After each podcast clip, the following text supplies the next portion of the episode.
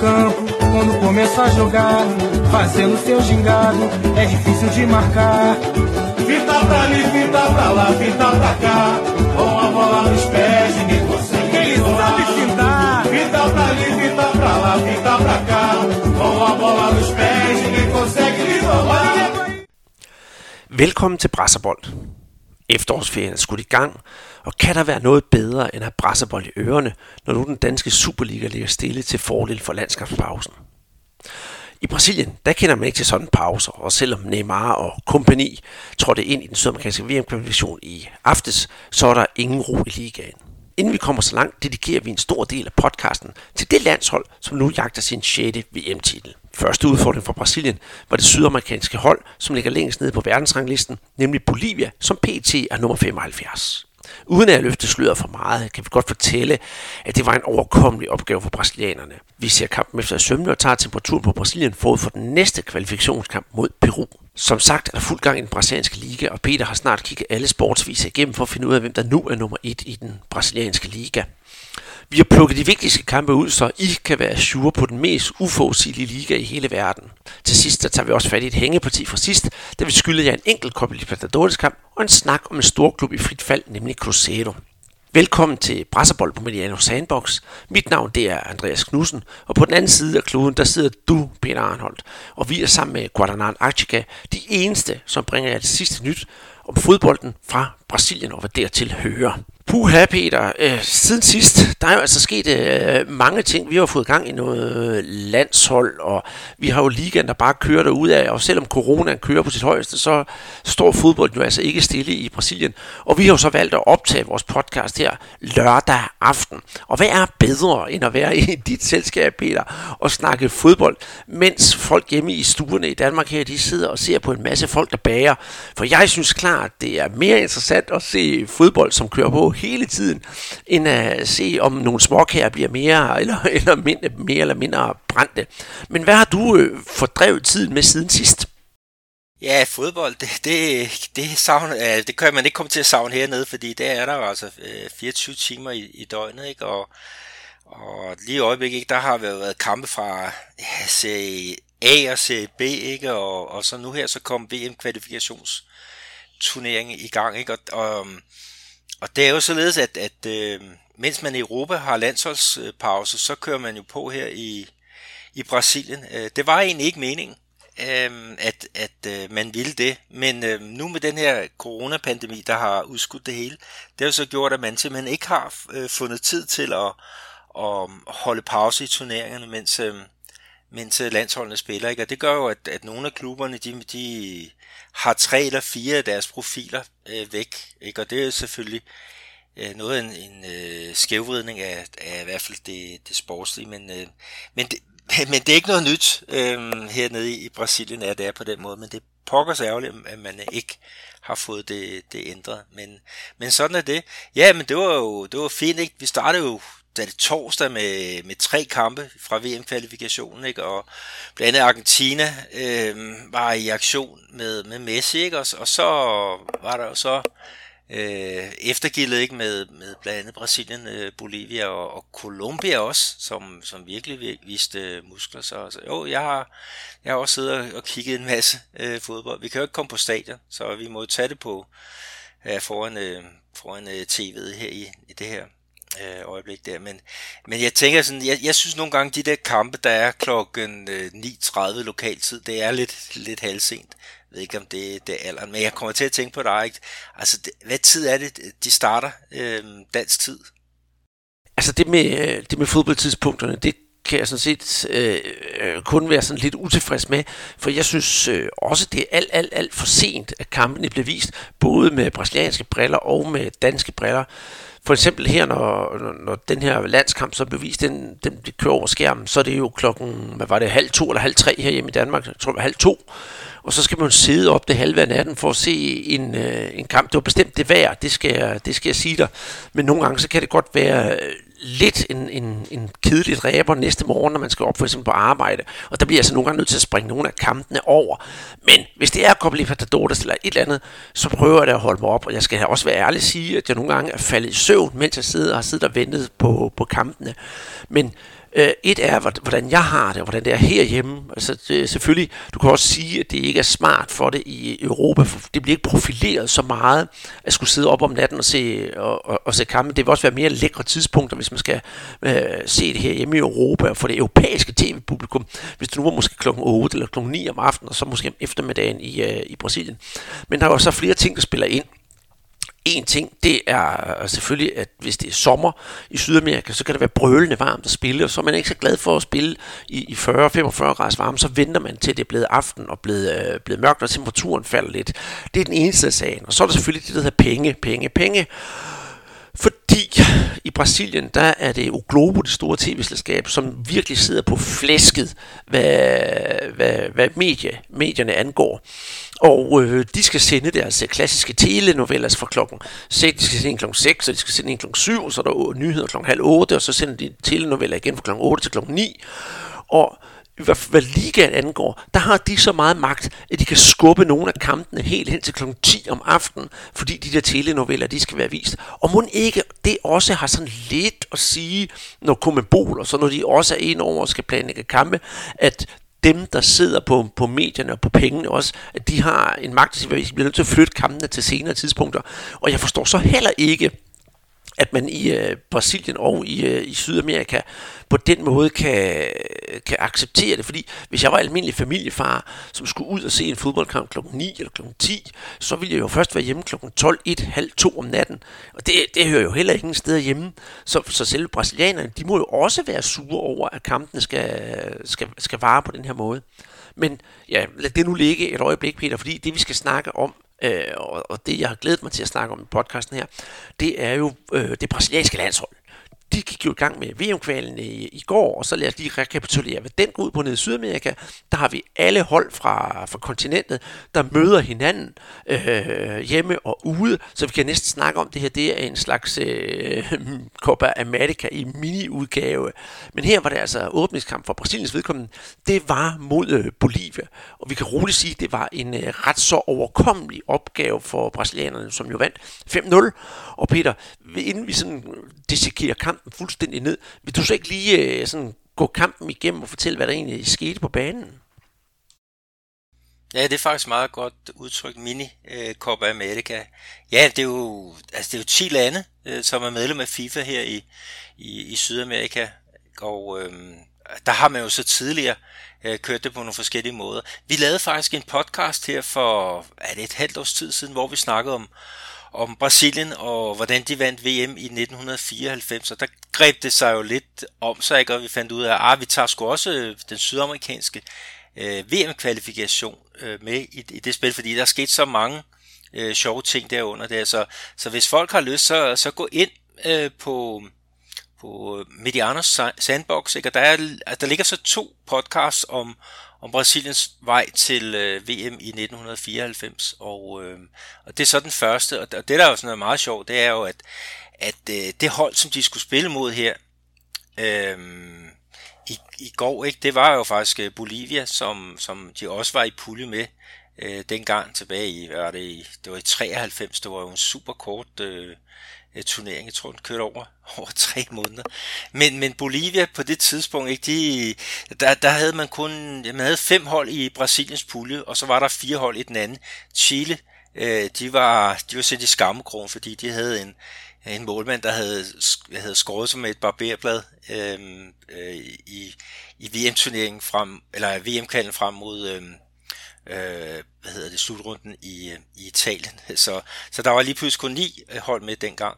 Men der var altså Bolivia og Brasilien var i samme pulje, og der lagde Bolivia ud med, jeg tror det var det hedder det, tre hjemmekampe op i højderne, og kom øh, derfra med, med maksimum point, ikke? Og, og det forspring, det nåede de altså ikke at, at formøble, men, men det var godt nok spændende, og Brasilien, måtte jo kæmpe lige til, til sidste øh, kamp for at, at, at snige sig med som, som toer i, i, i den der pulje. Ikke? Øh, og det var mod Uruguay hjemme på Maracanã.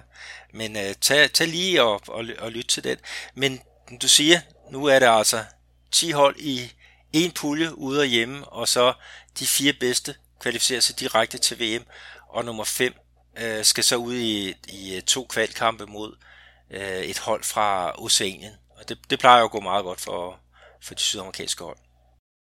En rigtig fin forklaring, og så blev det selvfølgelig lige revet væk af, af, af VM i 1994, en, uh, en fremragende podcast, hvis jeg selv skal sige det, uh, som jeg anbefaler, at I alle sammen går ind og høre, for det beviser virkelig, hvordan det hele det hænger sammen i, uh, i Sydamerika, det der, det der kvalifikation, hvor meget der står på spil. Og så er der jo det der med, at nummer 5, som skal spille mod Oceanien. Det er også altid sådan lidt øh, la-la, fordi der er store forventninger til, til holdene, om det så er Brasilien eller Argentina, det er nu sådan set øh, underordnet. Men selvforståelsen i Sydamerika, den er så stor, at man kan jo simpelthen ikke tabe til hverken Australien eller New Zealand. Og hvis det så skulle ske, så ville det jo være en kæmpe, kæmpe skandale, især for Brasilien, jo, som altid kvalificerede sig. Og så er der jo også øh, Argentina, som jo også har de der VM på, øh, på, på hukommelsen, så de skal da også bare være med. Og det øh, har været også været sådan næsten været ved, at, at de kunne snuble over at, at komme i de der, i de der kvalkampe. Men altså, som sagt, øh, det skete jo ikke for, for Brasilien mod, øh, mod Bolivia i den her første kamp. Der er jo lang vej igen. Så ja, øh, nu skal vi altså komme ind på det. Hvordan gik det? Jo, altså det var jo et, øh, et hold fra Bolivia, der kom til, til São Paulo for at, at, at, at table med mest mulig marken som overhovedet muligt. Øh, måske et, øh, snige en, en 0-0 øh, til sig, ikke? så de spillede jo ultra defensivt. Og når vi øh, så kampen der, så var der jo altså et, et, et øh, massivt øh, boliviansk, øh, skal kalde det blok, som stod nede på, på egen banehalvdel. Ikke? Altså det, han spillede faktisk en del af kampen kun på, på øh, en tredjedel af, af, af den bolivianske øh, bane. Men øh, øh, Titi, den brasilianske landstræner, han har jo snakket noget om det med, med hvad, hvad det er for nogle ting, han, han vil arbejde med. Ikke? Og noget af det, som han har vil tilføre, ikke? det var jo at angribe med nogle flere folk. Øh, og så også øh, sørge for, at der er meget øh, større øh, hvad hedder det, kreativitet, der, der, der kommer fra, fra midtbanen. Ikke? Men, men øh, de, de gav jo fuld os fra, fra start af, øh, Barserne, ikke? og efter tre minutter har de haft øh, ja, to kæmpe chancer.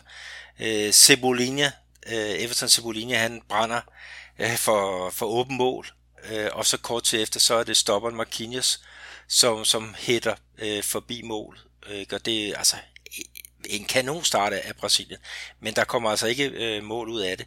Øh, det kom der så efter et kvarter, hvor at øh, brasserne de har sådan en et hjørnespark, og det, det bliver så en kort variation, hvor de så spiller bolden tilbage til Danilo, højre bakken, ikke, som så sender den ind øh, omkring øh, det lille målfelt, ikke? og der, der stiger Marquinhos så op og, øh, og udnytter så chancen. Så, så, så, godt, øh, så langt så godt. Øh, efter en halv time, så er det øh, vensterbakken, øh, Hanan Logi, som, som er en, der bare skal køre øh, fuld fart fremad på, på den der venstre bak. Han øh, lægger bolden ind til, til Firmino, øh, Liverpool-angriberen, som så sikkert øh, Øh, putter den ind til, til 2-0. Det er så også halvlejs, øh, halvlejens resultat.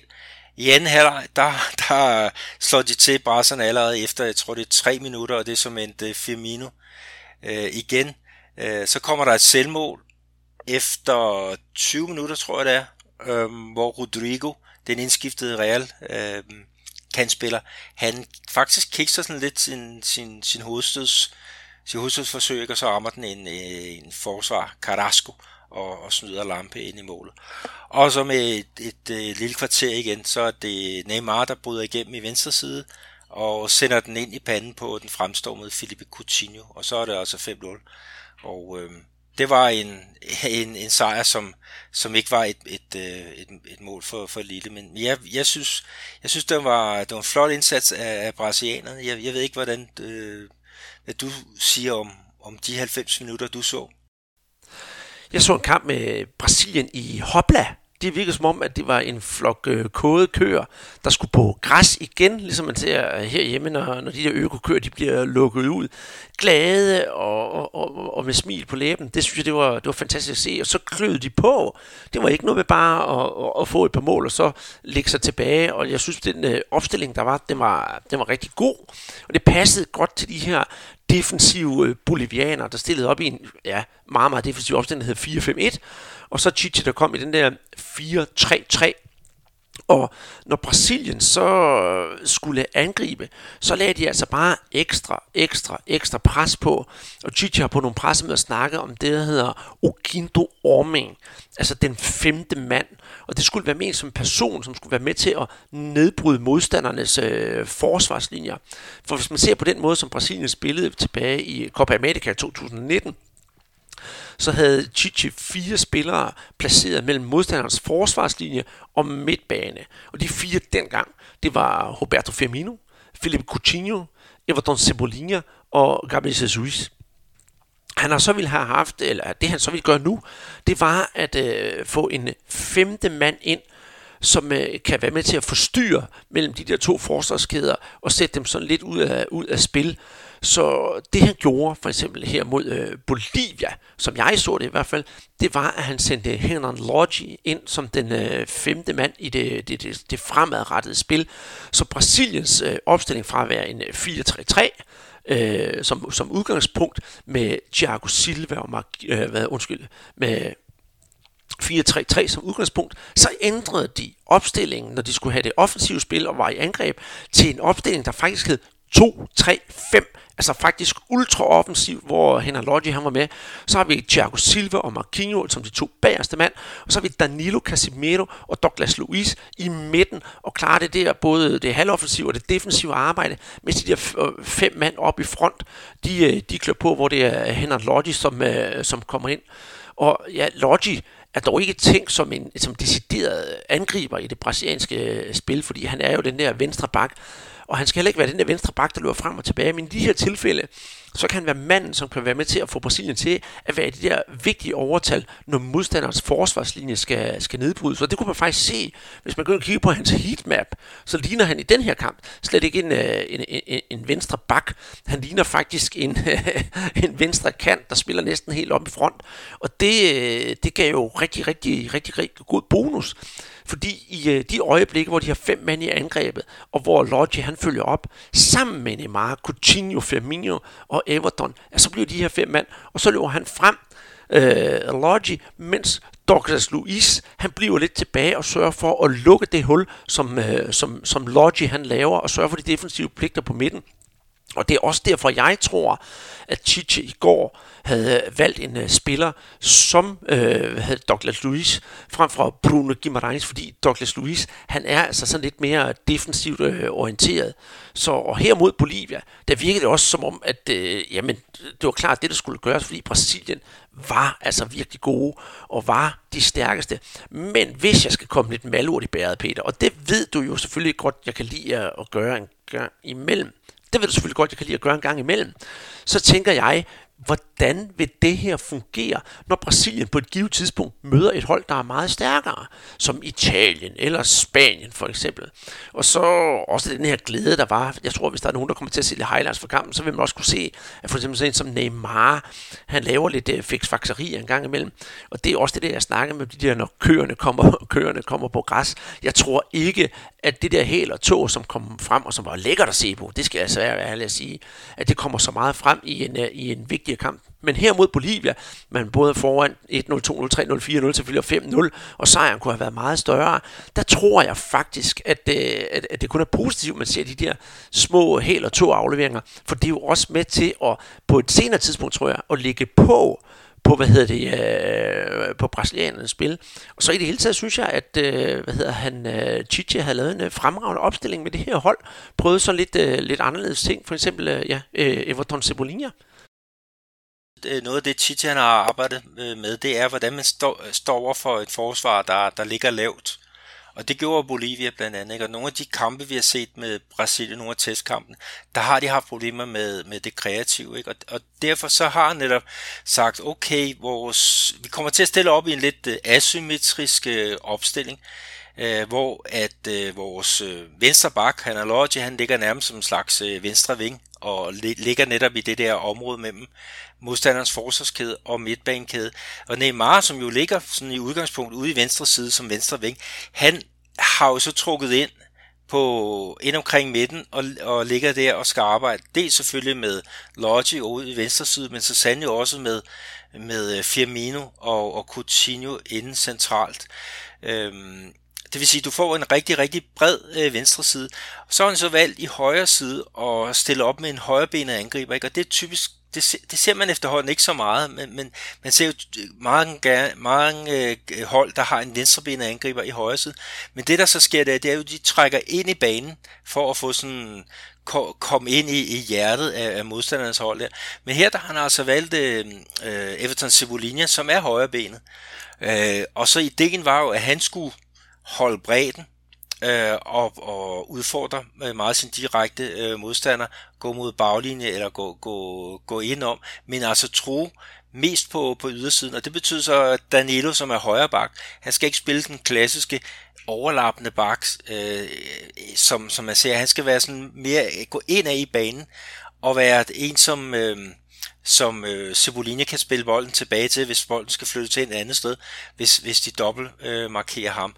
Og den der rolle, som Danilo har, øh, det er jo sådan en, som, som nok Dani Alves, øh, som jo øh, ikke var udtaget den her gang, det er jo en rolle, som vil passe rigtig fint til ham, fordi han, han kan godt lide at ligge der og være sådan en slags øh, playmaker i det, som Ja, altså han går faktisk fra at være højre bakker så ind til at være en af de tre midtbanespillere, som, som du snakkede om, ikke? hvor at, at det var Douglas Luiz og, Casemiro her i, i går, ikke? og så var det så øh, Danilo. Men, men det bliver så Dani Alves, hvis, hvis han, øh, hvis han er, er, er, er, er, er, er, er skrab nok til at, komme med i, i landsholdsvarmen igen. Men, men det er jo sindssygt spændende at se, hvad det er for nogle ting, de, de kører på.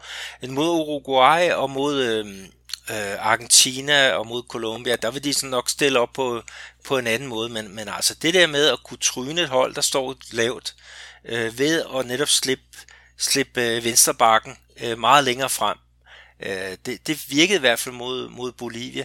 Øh, hvordan det så vil virke mod nogle af de andre modstandere i, i, i, i den her pulje der, ja, det må jo tiden jo, jo vise, men det er jo godt, at man har nogle redskaber, der fungerer, og så må man jo gribe ned i den der skuffe, og finde det frem, der, der fungerer øh, til, øh, til lejligheden, og sådan afhængig af, hvordan modstanderen nu, nu står i, i banen. Øh, det er jo den, den, den sværeste VM kvalifikationer, den hårdeste af, af dem alle, ikke? Og, og vi skal jo både op i 3-4 km højde på et tidspunkt, og, og vi skal, vi skal øh, til, hvad er det, Bombonera, eller hvor det nu er, kampen skal spilles i, i Argentina, ikke? hvor der bliver, bliver knald på. Øh, men øh, jeg, jeg synes, de løste fremragende mod, mod Bolivia. Øh, man kan altid kritisere dem lidt for måske at, og ikke at, at pumpe tempo nok i, i, i kampen øh, hele tiden. Der var nogle tidspunkter, hvor det gik lidt, lidt søvgængeri i det, og der var lidt for mange touches. Men, men tidligere har vi jo set brasilianske hold, der kommer foran 2-0, og så træder de helt på bremsen. Her, der er de foran 2-0 ved pausen, og kører alligevel på. Øhm, det, det synes jeg var, var fremragende at se. Altså, fedt at se et hold, der går ud og laver en, en som du vil sige, en målbonanza, ikke? Det, det, det har vi savnet på det brasilianske landshold. Det vi så kan frem, se frem til nu, Peter, det er jo det, den næste opgave her for det brasilianske landshold, og det er jo kamp mod, øh, mod Peru.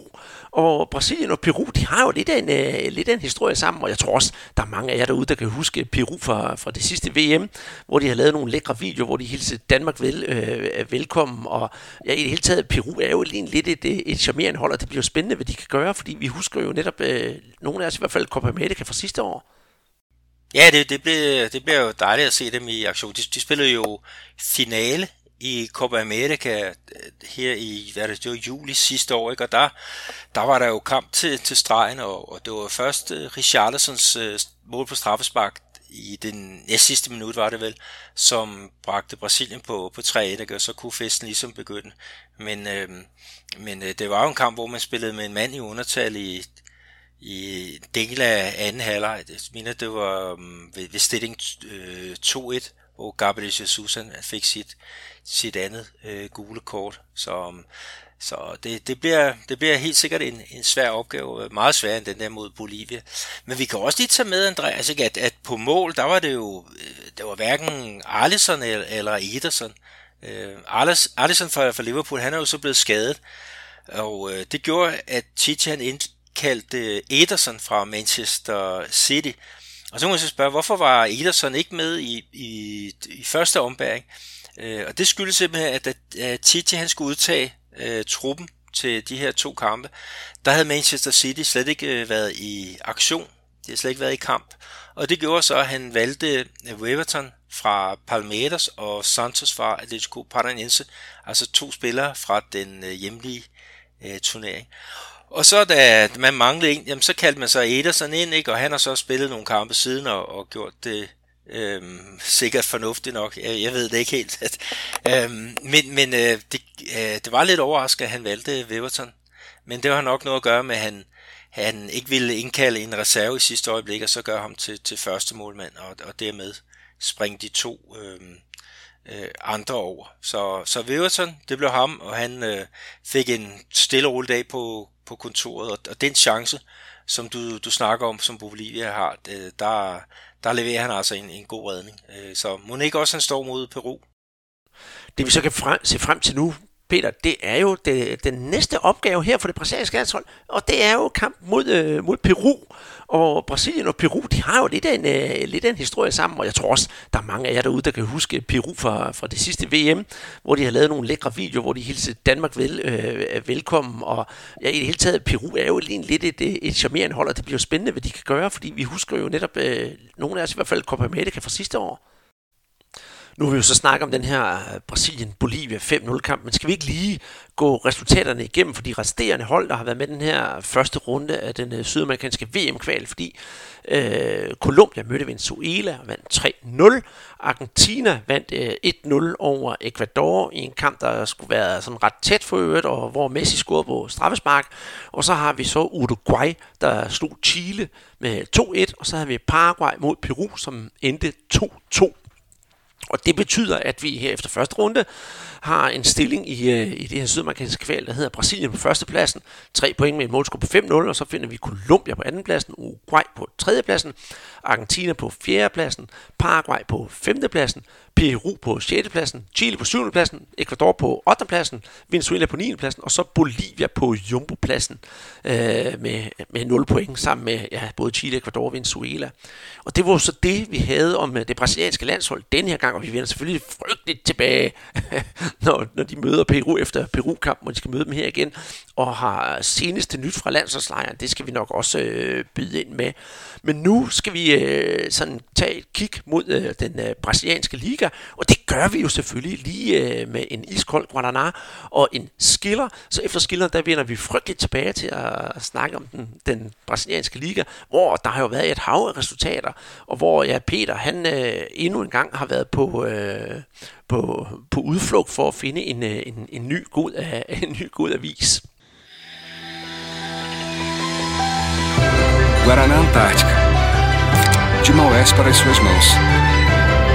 Bora lá! Så er vi klar til at snakke om den uh, brasilianske liga, Peter.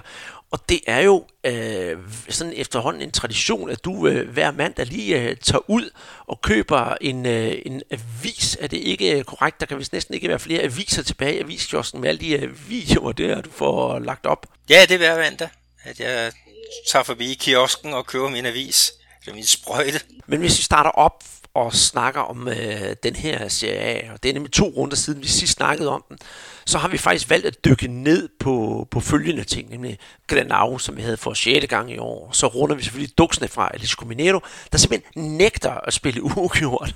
Og så har vi Flamengo, der stadigvæk er med, selvom der mangler mange af deres øh, nøglespillere. Og oppe i Nordøstbrasilien, der synes jeg i hvert fald, at José Seni har fundet formen for Fortaleza, hvilket jo blandt andet gik ud over øh, duksene. Men det kommer vi jo så til. Det første, vi runder, det er den, der hedder Gremio International, Grenau. Vi har snakket om det et øh, hav af gange, og i sidste podcast, der genudsendte vi jo Fabio Fantastico, der fortæller lidt om den rivalisering, de to, øh, de to hold, de har. Og ikke fordi vi skal gå sådan super meget i dybden med den her kamp, men vi havde lovet lige at rekapitulere på den. Det var Gremio International 1-1, og for Gremio, ja, Pepe, han scorer igen, igen, igen, og en faste mand på, øh, på, på måltavlen hos Gremio efterhånden. Og så kommer der selvfølgelig et øh, straffespark. Der skal jo være lidt drama i det her, ikke også? Til International, og der ud, øh, udligner Thiago Gallardo. Og Thiago Gallardo, han er også øh, den ægte målrev hos øh, International. Det var så det 1-1. Og vi skal jo heller ikke have en kamp, der ender, øh, hvad kan man sige, øh, udvisningsløst, for det er jo et ægte Grenau det her. Så der stod altså også 1-1 i øh, udvisninger, efter de 90 minutter var, var gået. Og som jeg tidligere nævnte, så er det Grenau nummer 6 i år, og en, der har på intet tidspunkt øh, vundet over Gremio i de nationale turneringer. Så fik vi lukket den ned. Men vi skal til at kigge på førerholdet i, øh, i den her gruppe, Peter øh, eller den her liga. Og det er jo øh, Atletico Mineiro, som holder til hjemme i din baghave. Og det første, der er sket siden, siden vi har mødtes sidst, det var Atletico Mineiro. De uh, rendte ind i Vasco, og det gik jo ikke så super godt for Vasco, det kan man vist roligt sige. Ja, det var en, en ordentlig tur, som, som øh, mit hold Vasco kom, kom ud i. Ikke? Men det er igen Atletico Mineiro, det, det er et hold, der, der angriber øh, meget højt, og øh, det var, var Vasco simpelthen ikke øh, i stand til at, at stå imod. De kommer ellers foran øh, 1-0, gæsterne fra, fra Rio. Øh, det er så Martin Benitez, som... Øh, som udnytter simpelthen en, et, et hovedstøds tilbagelægning øh, fra Haver, den store stopper i Atletico, ikke? Og det får han altså, mm, øh, der får han puttet bold i kassen på et rigtig lækkert øh, saksespark. Øh, så så der, der fik vi jo rigtig brasilianerstemning, selvom det var en argentiner, der, der lavede det. Men, men, men, øh, der var der gået 9 minutter. Øh, Guillermo Arana, han banker den ind til 1-1, øh, bare 5 minutter efter. Og, og ja, fire minutter efter det igen, så er det Savarino, som bringer øh, Atletico på, på 2-1. Guga, øh, deres højre bak, han øh, putter den ind på, på straffe efter en halv time, og så deres øh, topscorer Keno, han øh, udnytter så et andet straffespark øh, med små 10 minutter til, til pausen. Så Vasco var, var fuldstændig øh, udspillet i går. Og det, det så godt ud med, med Atletico Mineiro i går. Også deres... Øh, jeg ved, jeg ved, altså Sampaoli, øh, han kan også gang, nogle gange se sådan nogle, nogle detaljer og finde ud af, hvad holdet trænger til. Altså da, da de får straffesparket øh, og kan komme foran øh, 3-1, der vælger han så ikke Keno, øh, deres topscorer, til at sparke. Øh, han vælger simpelthen Guga, som ikke har scoret et eneste mål for Atletico Mineiro. Øh, men, men det lykkedes så for ham her, ikke? Og, og deres målmand, Fernando Miguel, der stod derinde og siger, ah, hvem skal sparke? Ej, jeg ved, at øh, Keno, han sparker sikkert der og der og der. Han har været rigtig god på straffespark. Så kommer der bare en helt anden øh, øh, spiller øh, frem og, og putter den sikkert i, i kassen. Øh, og så anden halvleg, det, det var um, igen en, en opvisning, ikke? Og, og Atletico, de putter den på, på stolpen og er, er simpelthen et... Øh, Viser offensiv power, som, som jeg ikke... Øh, jeg, jeg, kan, jeg kan kun se, at der er et hold, der, der kan være lige så gode som, som dem på, på, på det, den parameter, men øh, det kommer vi jo ind på senere. Men det endte øh, ja, 4-1, en ordentlig losing til, til Vasco. Og som, som du siger, øh, Atletico, det er jo ikke et hold, der, der, der, der spiller uafgjort, og det næste modstander, det var så, hvad det Fortaleza, det er rigtigt. Og Fortaleza, det er jo klubben, som virkelig har formået at, at, at gå med syv skridt her de sidste øh, 3-4 år med den øh, charmerende øh, målmand og verdensrekordholder for, for flest scoringer som målmand, Juliano Seni i, øh, i spidsen. De vandt faktisk 2-1 over Atletico Mineiro her. Og det interessante ved det her, det er, det er faktisk tredje gang, at øh, Juliano Seni vinder over ja, Atletico Mineiros træner, øh, Jorge Sampaoli. Seni, han må åbenbart have fundet en øh, hemmelig formel for det her, fordi han har nu vundet to kampe som øh, træner for henholdsvis for Fortaleza, og en enkelt, dengang han var træner for Cruzeiro. Og her i kampen mod Atletico Mineiro, der kom Fortaleza rent faktisk overraskende foran. Og jeg sad der og tænkte, hold da op, er det nu, vi skal have en øh, overraskelse? Eller skal vi bare holde på, at Fortaleza kan få det ene point på udebanen mod Atletico? Det ville nemlig også være rigtig, rigtig flot. Og da de så senere øh, i samme halvleg, første halvleg, får smidt, smidt Filippe ud efter sit andet gule kort, så tænker jeg, okay, nu er det måske her filmen, den knækker. Og det gjorde den jo delvist også, fordi ved pausen, der står der altså 1-1, da Eduardo Sasha han øh, lavede lige helt i, i regnskabet. Og men hvad der så skete i pausen, det ved jeg ikke rigtig, Peter. Og jeg sad og tænkte på den der film, der hedder Space Jam, for det kunne være, at Jose Alusini, han har givet sig noget hemmeligt trylletrik. For i øh, anden halvleg, der er det altså lidt et andet Fortaleza-hold, vi ser på banen. Jeg skal sige også, at øh, Seni, han stiller op ekstremt defensivt og får det defensive til at køre for sit, øh, for sit hold, og det hjælper jo også. Men de her Fortaleza-spillere, de klør på, og de klør på, og de klør på. De scorer endda, øh, men det bliver så annulleret på, på, på offside, for et offside.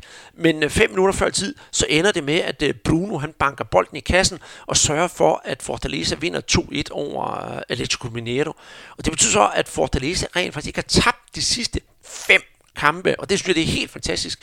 Og de, øh, sidste, i de sidste fem kampe her, der har de faktisk høstet øh, tre point mod Atletico Mineiro, det gjorde de den her kamp, og tre point mod Inter, som jo også er et af de hold, der ligger helt oppe i toppen. Og så har de altså hentet et øh, enkelt point mod Santos, og også et enkelt point mod øh, Gremio. Jeg har kun et at sige, og det står med fede øh, bogstaver her i vores manus, Peter super flot gået af Jose Adoseni for at få så mange penge, point mod de her tophold. Det er altså noget af en, øh, en, en kæmpe, kæmpe bedrift. Og jeg tror virkelig også, at øh, han, han, han er gået hen og bliver, altså før var han mister San Paulo, men nu er han altså blevet mister Fortaleza i det her. Men nok om Fortaleza, for næste hold, vi skal snakke om, det er jo Flamingo, mit hold, Peter. Og der har jo været meget sådan øh, debat frem og tilbage om, øh, ja, hvordan går det nu for, for Flamingo, de skulle spille mod Parmeters, de havde covid, øh, folk nede med covid, så er der pludselig blevet indkaldt nogen til, til, til landsholdet, og de mangler jo altså nogle af deres helt store, vi har, hvad hedder det, Aras der han spiller for Uruguay lige nu, så har vi også et par stykker, der er udkaldt til, ned, udkaldt til det brasilianske landshold, og vi har en Gabi Go, der er, er skadet. Men når de så er væk, så er der åbenbart andre, der får lov til at træde i karakter. Og en af dem, der træder i karakter, det er jo Pedro. Han banker jo bare mål ind for Flamengo for øjeblikket, og vi skal jo huske, at øh, Pedro har haft en lidt svær tid. Han spillede for Fluminense, var på trapperne til at være på det brasilianske landshold. Han var udtaget til landsholdet, og så blev han skadet og var ude i rigtig, rigtig lang tid. Og så gik det bare ned ad bakke i, øh, i Fluminense. Men han er altså kommet til Flamengo, hvor det bare går rigtig, rigtig, rigtig, rigtig godt. Og jeg synes, det er, er flot, det de gjorde her. De øh, spiller mod Atletico Paranaense, og det er altså ikke noget nemt hold at spille imod, selvom Flamengo var på hjemmebane. Men vinder altså 3-1, 1-0 ved Pedro, 2-0 ved Bruno Henrique på straffe, og så Atletico Paranaenses øh, goalgetter, Renato Kaiser, han reducerer til 2-1, men så er det Everton Ribeiro, der, der lukker og slukker til 3-1.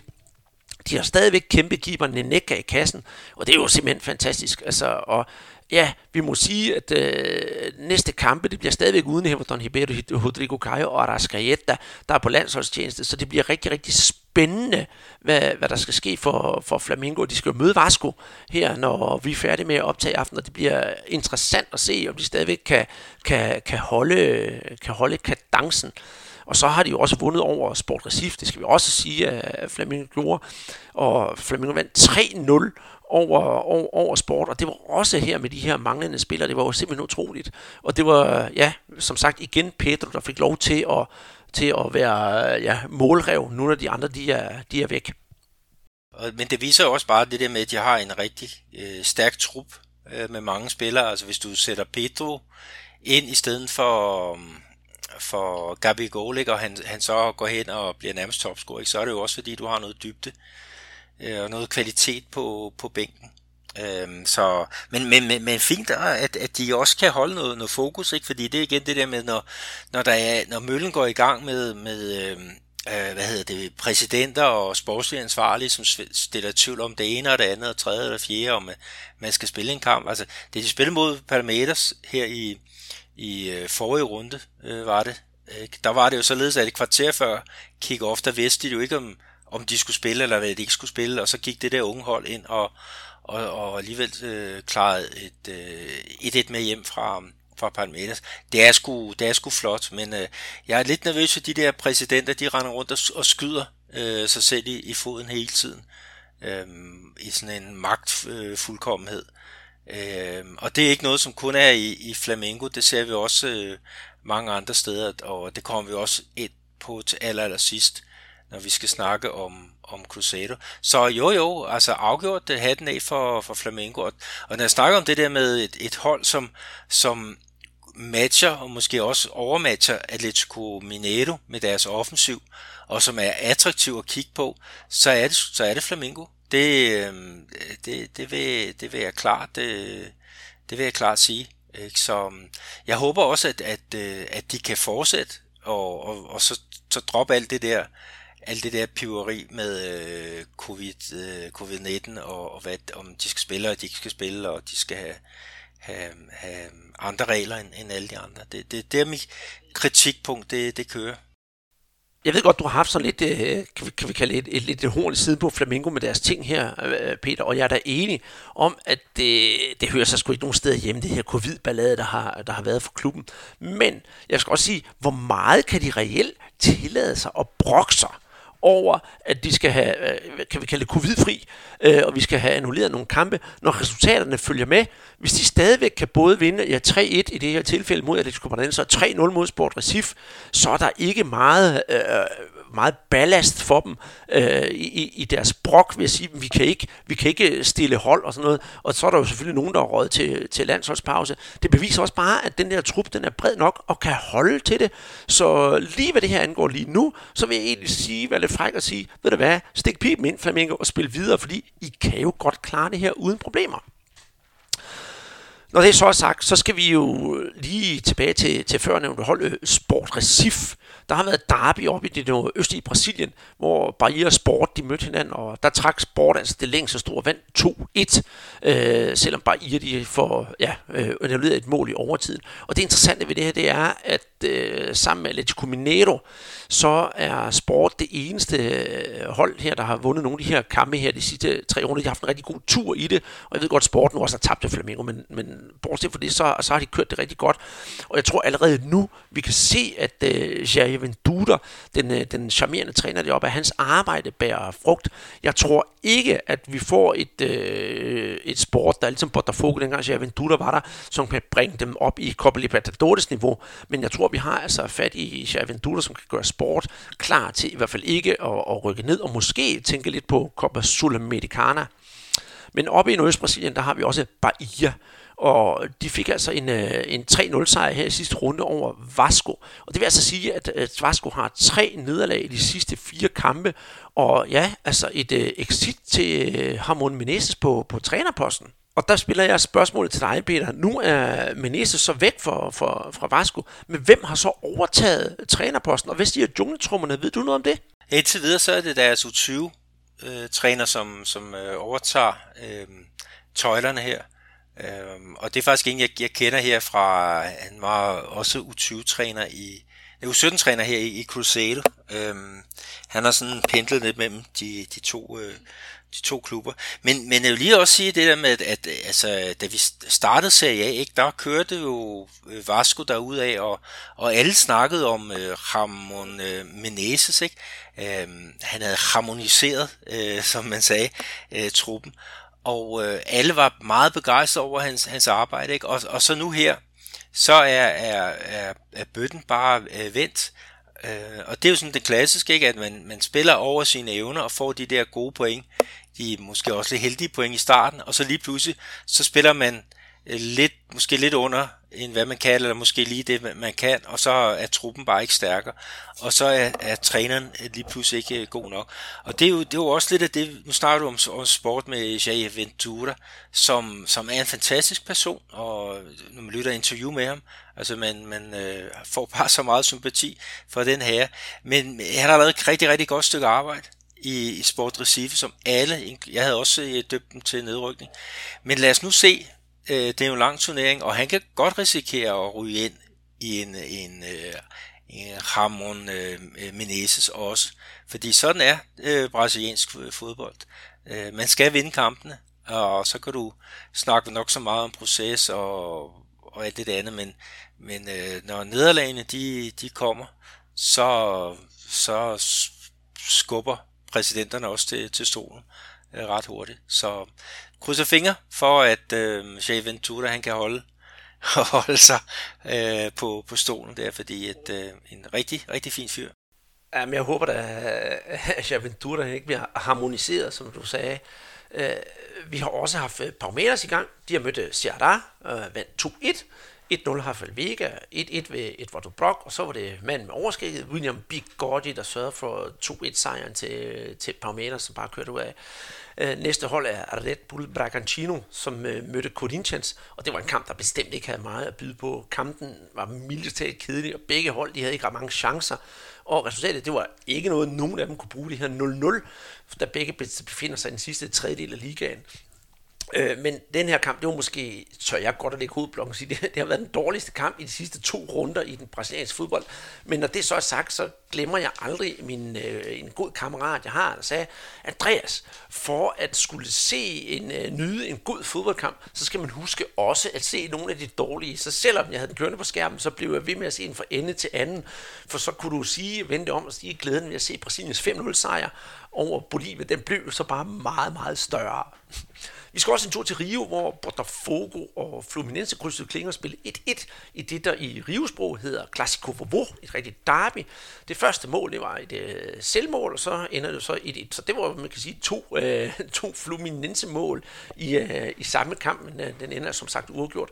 Og der var der altså debut til Lazzaroni, altså søn af den tidligere træner Sebastian Lazzaroni, og jeg kan ikke lige på stående fod huske, hvad, hvad, hvad Lazzaroni han hedder til fornavn. Kan du den, Peter?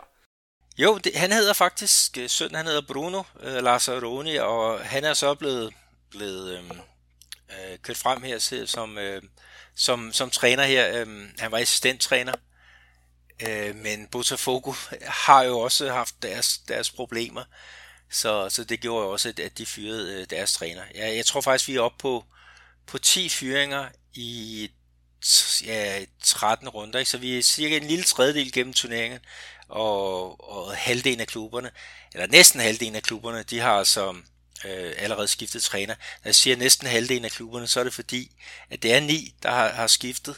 Øhm, KJI's, de har været hurtigt fremme i skoene og har faktisk øh, er de på deres tredje træner nu. Så, så ja, ja, der, der, der, der kommer til at ske meget mere her over de, de næste øh, runder. Øh, og spørgsmålet er, om vi kommer, vi kommer igennem 20 trænerføringer. Øh, det, det er set før ja, den brasilianske trænerroulette, den er ikke sådan at, at komme udenom. Og nu har der har været stor snak herhjemme i, i Danmark hele dagen dag, at øh, Ståle Solbakken er jo ikke længere træner i København, og det har bare trukket kæmpe overskrifter over det hele. Havde det været i Brasilien, så tør jeg ved med, at det ikke havde trukket nogen overskrift overhovedet, selvom hvis nu se FCK, det var flamingo-størrelse, så havde det stået på en lille notits nederst på side 5, fordi i Brasilien, der er det jo bare dagligdag med de her trænerføringer. Der er intet, der sådan er, er, er sensationelt, heller ikke engang, når landstræneren bliver fyret. Ja, så altså, du kan også lige tage med, Andreas, at, at, at hvis Solbakken han havde øh, blevet fyret her i, i, hvad hedder det, i Brasilien, så var der gået to uger, så havde han haft et, øh, et job i en af de konkurrerende klubber. Ja, det kan vi da bestemt ikke komme udenom. Så var der bare øh, gang i, i svingdøren. Så var gået tre dage, så havde øh, Ståle Solbakken allerede fået nyt arbejde, eller allerede 20 minutter efter, så var der nogen, der havde hævet fat i ham, fordi også i Brasilien, der går rygterne enormt hurtigt. Det kan vi, øh, det kan vi ikke komme udenom. Men jeg tænker, vi skal have gjort den her liga færdig, Peter. Det kan vi jo ikke øh, komme udenom. Så vi skal lige have vores øh, sædvanlige øh, top 10, havde jeg nær sagt. Og så kan vi øh, gå videre til de næste øh, punkter her i den her dagsorden, vi har i vores podcast for den her gang. Jo, lad os, lad os tage, siger du top 10, øhm, så, så lad os starte med Atletico Mineiro, der ligger nummer 1 med, med 27 point efter 13 kampe.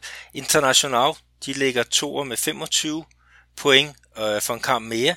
Så Flamengo øh, ligger 3 med 24 point, øh, kun for 13 kampe. Og så er São Paulo øh, nummer 4 øh, med 23 point, og også kun for, for, for 13 kampe. Og det er de fire, som, som ligger til direkte kval til øh, Copa Libertadores.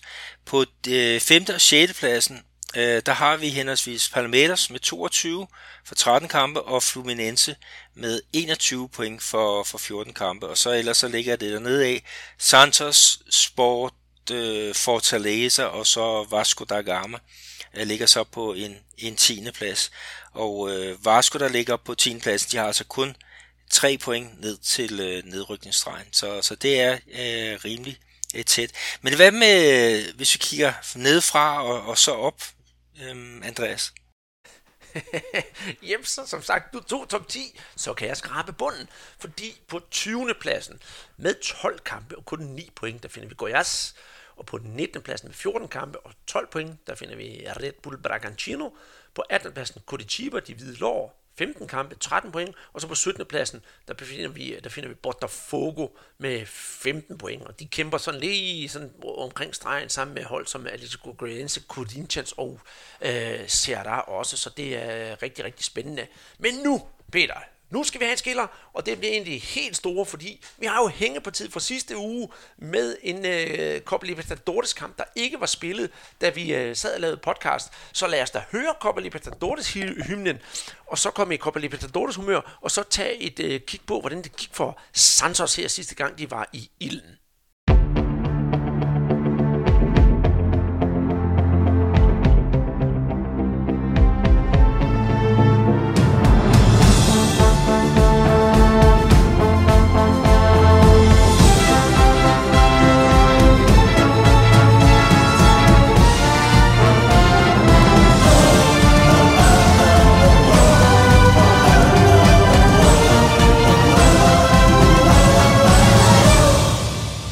Så er vi tilbage, og ja, som jeg lige sagde før pausen her, Peter, du får den store ære. Hvordan gik det så for, for fiskene fra Santos, som jo var på, på udebane, og hvor var de egentlig henne?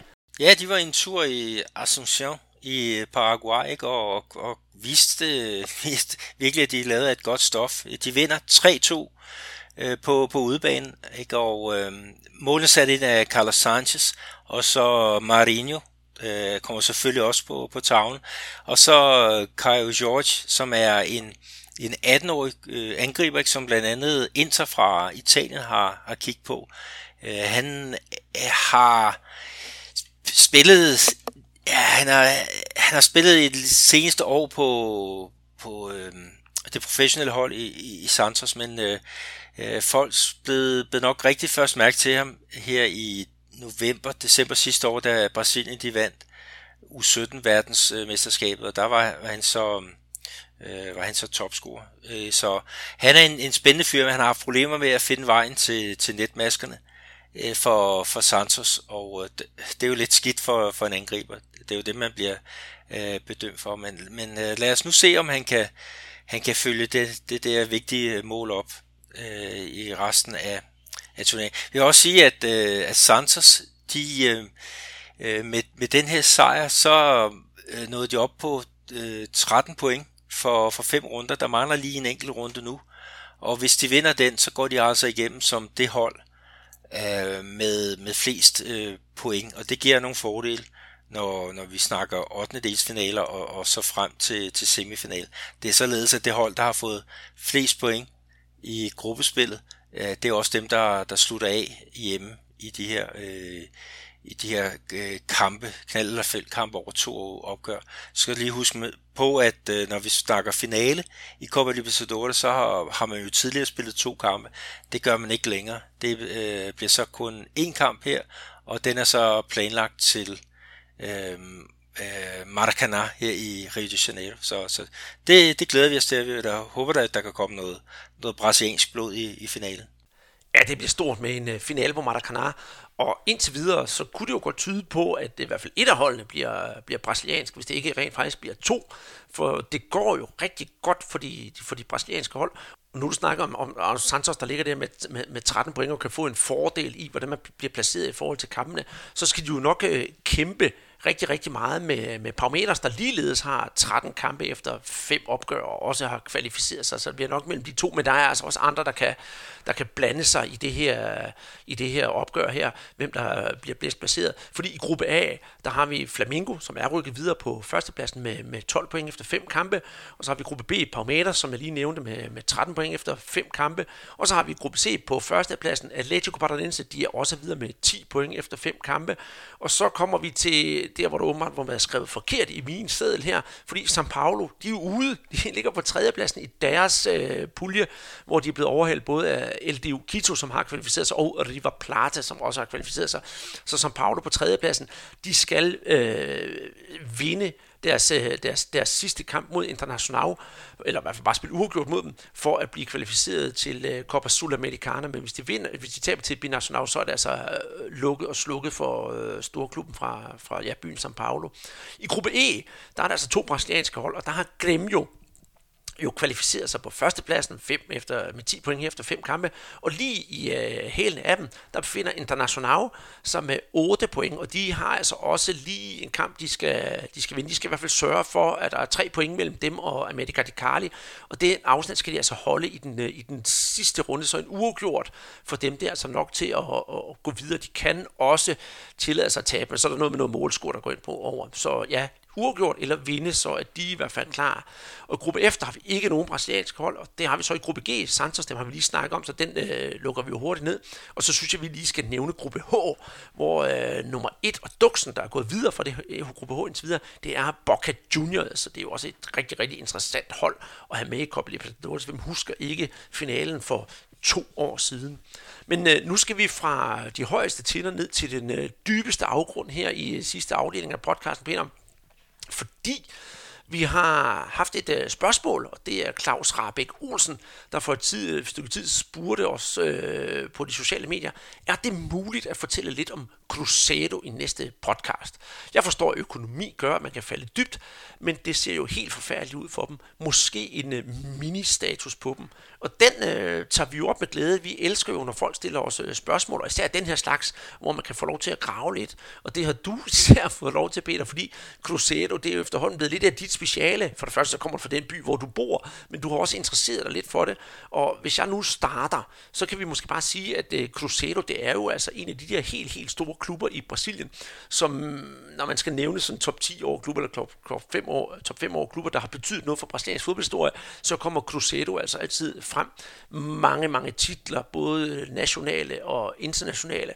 Og så var der altså det her, at de rykkede ned sidste år, og nedrykningen, jamen det er jo bare en rusjetur ned i den dybeste kælder, og det kulminerede lidt her i, i sidste, sidste kamp, hvor de spillede mod Sampaio Correio, og tabte, øh, at folk nu begynder folk at sige, hvad, hvad sker der for det her, og fansene er utilfredse, der er afstemning på internettet, rykker de videre ned i, serie, i serie C, og ja, hvad sker der ikke for, for, for Cruzeiro?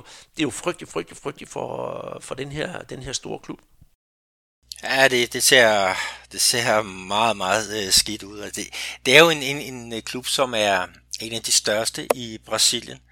Og de kalder sig, de kommer her fra min stat, øh, Minas Gerais, ikke? og de kalder sig selv oh, Major uh, de Minas, altså den største i, i Minas Gerais. Ikke? Og, og hvis du kigger på deres øh, pokalskab, ikke? altså det er en klub, der har vundet Copa Libertadores to gange, de er blevet brasilianske mester fire gange, og de har vundet øh, pokalturneringen seks gange. Øh, og det, det, det, det er dem, der har vundet pokal øh, eller Copa do Brasil aller, aller flest gange. Og hvis vi sådan lige også øh, kigger med på størrelse, øh, og så tæller de nationale og internationale titler sammen, så ligger Cruzeiro faktisk på en øh, delt anden plads på sådan en slags, jeg skal kalde det evighedstabel, og den øh, anden plads, den deler de med Flamengo, Palmeiras og, og Santos, og det er altså 17 pokaler, som, som øh, de hver især har, har vundet. Øh, Førstpladsen, det er São Paulo. Øh, de har så vundet 18 titler, men de har jo ikke vundet noget siden 2012, så, så de kommer nok til at, at lægge noget stille øh, der. Men jo, øh, de, de har store problemer, ikke? og det er på grund af en masse år med øh, uansvarlig ledelse. Øh, Cruzeiro, altså hold fast, det er nu den klub i Brasilien med den aller, aller største gæld. Altså det er 1 milliard øh, reais, som man, man skylder væk, og øh, jeg tror kursen ligger omkring 1,2, så det er altså 1,2 milliarder kroner, som, som man skal ud og finde et eller andet sted. Øh, og det hele det rastede sammen sidste år, øh, da der var et program, øh, et meget populært program øh, på Globo, der hedder Fantastico. Øh, de afslørede simpelthen, hvor, hvor råden øh, klubben øh, var ledet. Øh, dengang der hed klubpræsidenten Wagner Pires øh, de Sa, og hans øh, vicepræsident Itaia Machado, de blev simpelthen afsløret i at bruge Cruzeiro til at hvidvaske penge, og så en videre indgå en masse øh, oppustede handler, hvor at øh, øh, klubben betalte gildet, ikke? mens alle de andre involverede, de blev altså stinkende rige.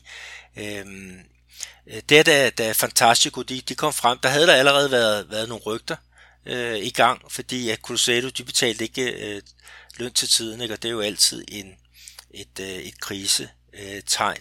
Men Øh, hvis vi bare spoler tilbage sidste år, hvor de jo øh, havde en elendig sæson, så var den faktisk øh, tunet ind på, at de skulle hente deres øh, tredje øh, Copa Libertadores trofæ, og man havde bare købt det ind af, af en, en masse øh, dygtige spillere til at forstærke en allerede god trup. Øh, men det endte altså i, i kaos, ikke? og så den der historiske nedrykning til Serie B. Øhm, Cusado har aldrig været uden for, for Serie A, men det, det kom det så nu. Og hold fast, man kunne så sige, hvis det var fordi, det var blevet fratrukket 20 minuspoint, på grund af, at de har haft rod i økonomien. Men det var ikke blevet trukket et eneste. Der var simpelthen bare, øh, spillet på banen gav ikke de point. Og man, man havde også nogle ind- og udskiftninger af træner. Man havde blandt andet Rogerio Seni i en måned, men, men han kunne ikke med, med, med mange af, af spillerne. Øhm, så, så han røg tilbage til, øh, til Fortaleza. Men minuspoint, det blev der altså alligevel her i den her sæson, hvor at Cruzeiro i CB startede med 6 point øh, minus, fordi at der var den der rod øh, i økonomien, og de betalte simpelthen ikke, eller havde ikke betalt for de spillere, som de havde hentet på lejeaftaler eller via transfers osv. Og, og, øhm, og det, det gjorde så, at, at FIFA gik ind og, og straffede, og der var faktisk tale om, at de skulle have fået seks mere, øh, men, men øh, der, der nåede man altså lige at finde øh, pengene. Men man øh, mistede øh, her frem til, til den her nye turnering en masse af de dyre spillere, som ikke ville med ned i Serie B. Øh, man havde før heller ikke råd til den, det er sådan noget andet. Og så stod man tilbage med en håndfuld, som, som ikke havde slået til sidste år, og så skulle der suppleres øh, fra ungdomsrækkerne, ikke? og, og øh, det, det, det gik ikke godt. Øh, vi lægger jo altid ud med de regionale turneringer, ikke? og der nåede man ikke engang øh, top 4 her i øh, Minas Gerais.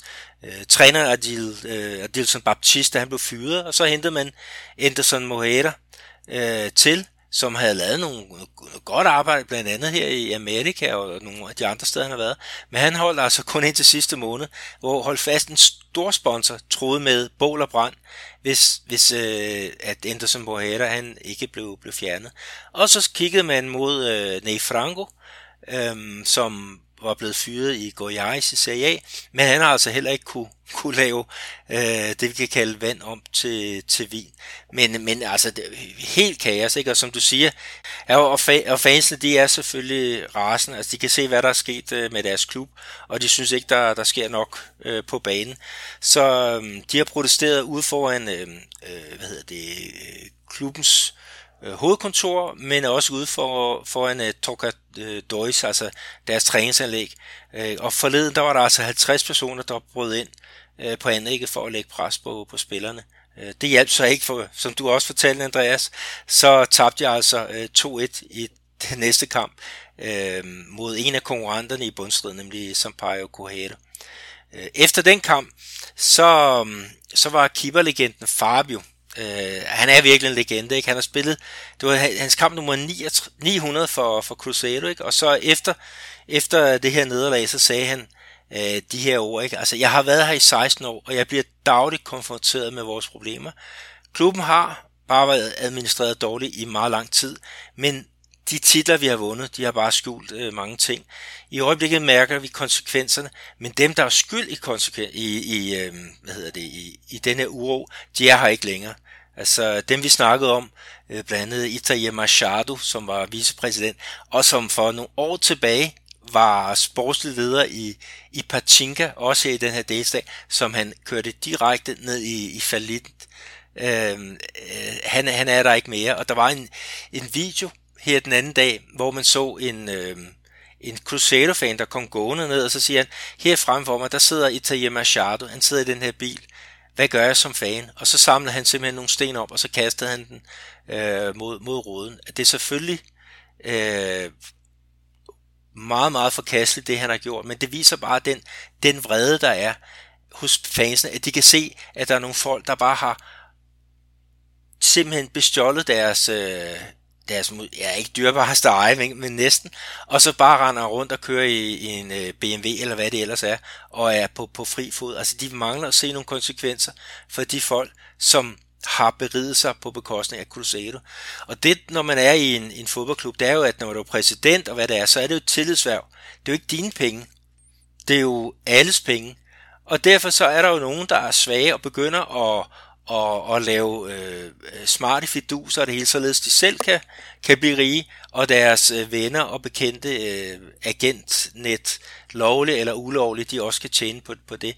Og en agent, der tjener øh, 20, øh, 10% af, af mm, 100 millioner, han er ligesom lidt gladere end en agent, der tjener 10% af 10 millioner. Så hvis man kan puste tingene op, så er det jo bedre. Og hvem betaler? Det er der jo ikke rigtig nogen, der gør. Det er jo bare klubben og de må så leve med, med den der gæld. Så, så det er noget, noget, noget voldsomt øh, øh, noget. Men altså, hvis vi kigger på de sidste 10 kampe, Andreas, i Serie B, to sejre, to uafgjorte og seks nederlag, det er bare tal, der betyder, at man, man rykker ned på, på længere sigt. Jeg vil også lige tage med, Andreas, at de er jo nede på 18. pladsen med, med 11 point. Hvis de nu ikke var blevet fratrukket de der 6 point, så havde de været op som nummer, nummer 12 øh, med syv point op til, øh, til øh, den, øh, hedder det, øh, den fjerdeplads, der, der giver oprykning. Så på den måde havde det ikke set øh, så sort ud. Men der er bare et kæmpe mismod alle steder. Og det, nu, det så man også sidste år, der, når der ind, indfinder sig mismod, så, så bliver folk passive, og de skal have psykologhjælp og alle mulige ting og sager. Men de, kommer bare, de får bare ikke flyttet noget. Og det er det, der er så, så trist for sådan en klub. Selvom man kan sige, det er ham og ham og ham og ham og ham, der er skyld i det. Få dem der på pokker straffet og få dem til at betale, øh, hvad, de, hvad de skylder, altså hvad de har, har øh, bemægtet sig af, af, af penge på, på, på hvad hedder det, uretmæssige øh, vilkår.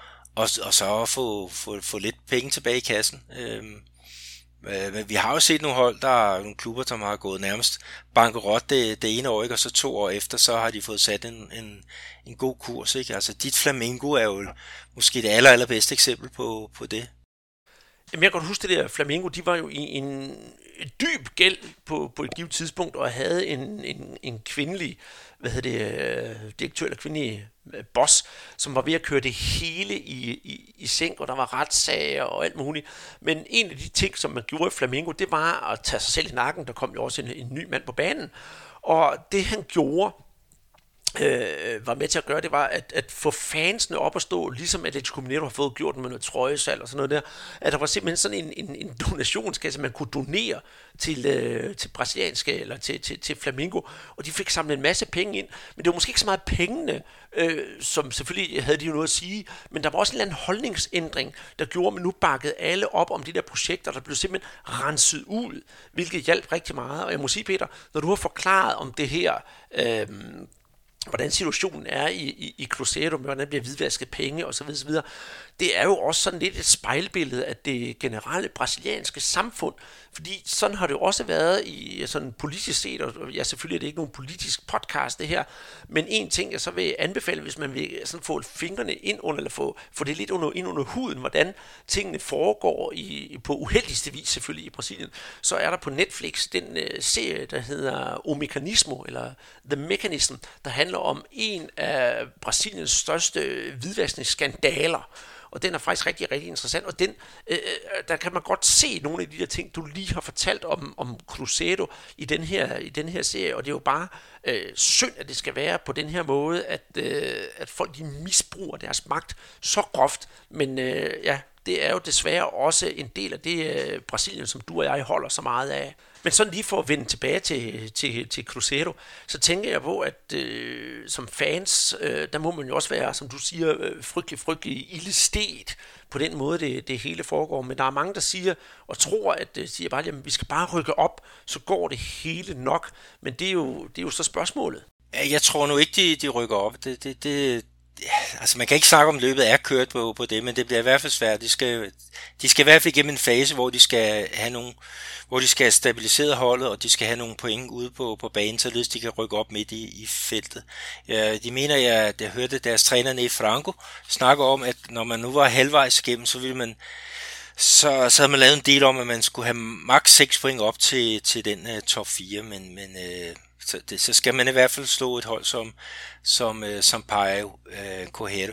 Men, men, men også lige sende en, en hilsen til, til Claus Rabeck Olsen, ikke, som har, har spurgt. Altså, vi, vi elsker at få sådan nogle, nogle, øh, nogle, nogle, nogle spørgsmål, ikke? Og, og det, øh, da han skrev til os inde på, øh, på, på Facebook, ikke? Der, der spurgte jeg også, er det fordi du er, er øh, Cruzeiro-fan? Så siger jeg, nej, det, det er sgu godt nok ikke.